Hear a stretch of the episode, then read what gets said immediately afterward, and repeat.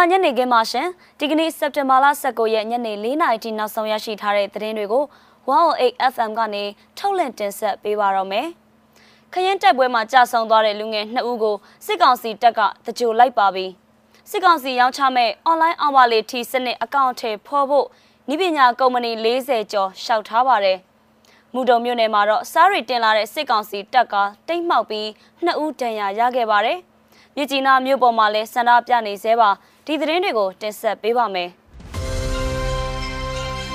ရန်ကုန်တိုင်းကသတင်းနဲ့စလိုက်ကြပါတယ်စစ်ကောင်စီတပ်နဲ့ဒေသခံပျောက်ကြားတပ်ဖွဲ့တို့ဖြစ်ခဲ့တဲ့မြို့ပြင်တိုက်ပွဲမှာခရမ်းမြို့နယ်ကလူငယ်2ဦးကြာဆုံးသွားပါတယ်အဲ့ဒီကြာဆုံးသွားတဲ့လူငယ်2ဦးရဲ့အလောင်းကိုမိသားစုကိုအကြောင်းမကြားပဲစစ်တပ်ကတကြိုလိုက်တယ်လို့ဒေသခံတွေကပြောပါတယ်ရန်ကုန်တိုင်းခရမ်းမြို့ပြင်ကငရုတ်သီးမုတ်တရားမှာအခုလ18ရက်ညနေပိုင်းတုန်းက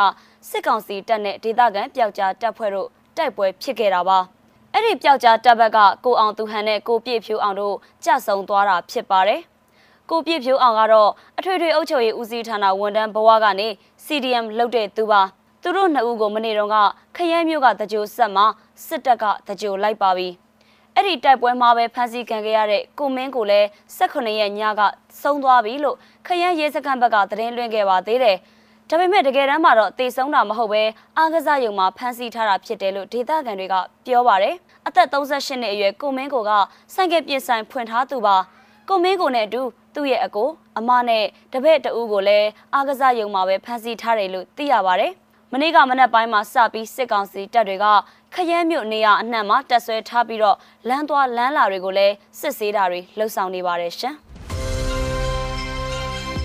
စစ်ကောင်စီကရောင်းချမဲ့ online အောင်ပါလေထီစနစ်အတွက်ပြည်ရင်းကနီးပညာပံ့ပိုးမဲ့ကုမ္ပဏီ40ကျော်ရှောက်ထားတယ်လို့အခွန်ဦးစီးဌာနအရာရှိတွေစီကနေသိရပါဗျ။အောင်ပါလေထီရောင်းချတဲ့လုပ်ငန်းကို online ကနေရောင်းချတဲ့စနစ်ပြောင်းပြီးရောင်းချသွားမယ်လို့အခုလစောပိုင်းကမြမအလင်းသတင်းစာမှာကြေညာထားပါတယ်။လက်ရှိရောင်းချတဲ့ထီစက်ကူစနစ်ကိုလည်းဆက်လုပ်သွားမယ်လို့ပြောထားပါသေးတယ်။အာနာသိမ့်လိုက်တဲ့ February 1ရက်နေ့နောက်ပိုင်းအောင်ပါလေထီကိုတပိတ်မောက်တာတွေလည်းရှိလာပါတယ်။ အခုလိုအောင်ပါလေးထီရောင်းအားကျနေတဲ့အချိန်မှာအရန်ရောင်းအားကောင်းတဲ့ NUG ရဲ့ຫນွေဦးထီလိုမျိုးအွန်လိုင်းကရောင်းတဲ့စနစ်ကိုအကောင့်ထဲဖော်ဖို့စ조사လာတာပါထီလုပ်ငန်းရှင်တဦးကတော့စစ်ကောင်စီရဲ့အွန်လိုင်းထီအပေါ်မျှော်လင့်ချက်မဲ့နေပါတယ်ဘာနည်းပညာနဲ့လှုပ်လှုပ်ပြည်သူမပါရင်ဘာမှလုံးမရသလိုအောင်မြင်မှလည်းမဟုတ်တဲ့အကြောင်းသူကပြောပါတယ်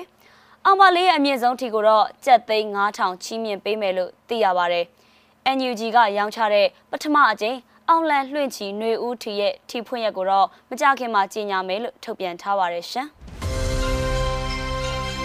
မွန်ပြည်နယ်ဘက်ကသတင်းကိုလည်းဆက်ပြောပါမယ်။မူတုံမြို့နယ်ရောင်တောင်တရားမှာ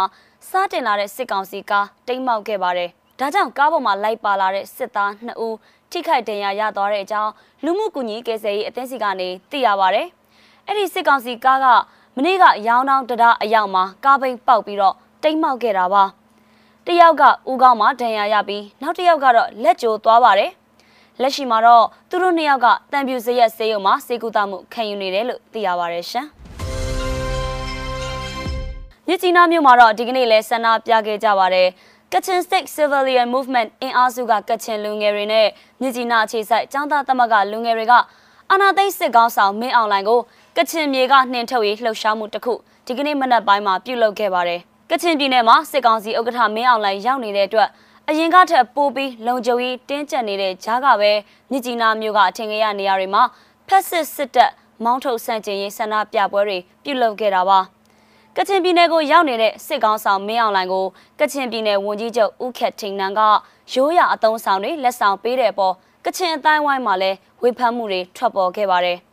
ဒီကနေ့ရဲ့ဆန္ဒပြရုပ်သံကိုလည်းရှုစားရအောင်ပါ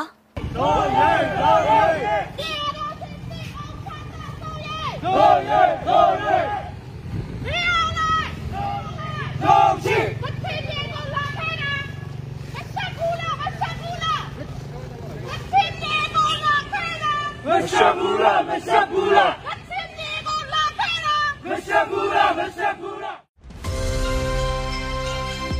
စက်တင်ဘာလ19ရက်ညနေ4နာရီထိနောက်ဆုံးရရှိထားတဲ့သတင်းတွေကို108 FM ကနေထုတ်လွှင့်တင်ဆက်ပေးခဲ့တာပါအချိန်ပေးပြီးနားဆင်ပေးခဲ့ကြတဲ့အတွက်ကျေးဇူးတင်ပါတယ်ရှင်။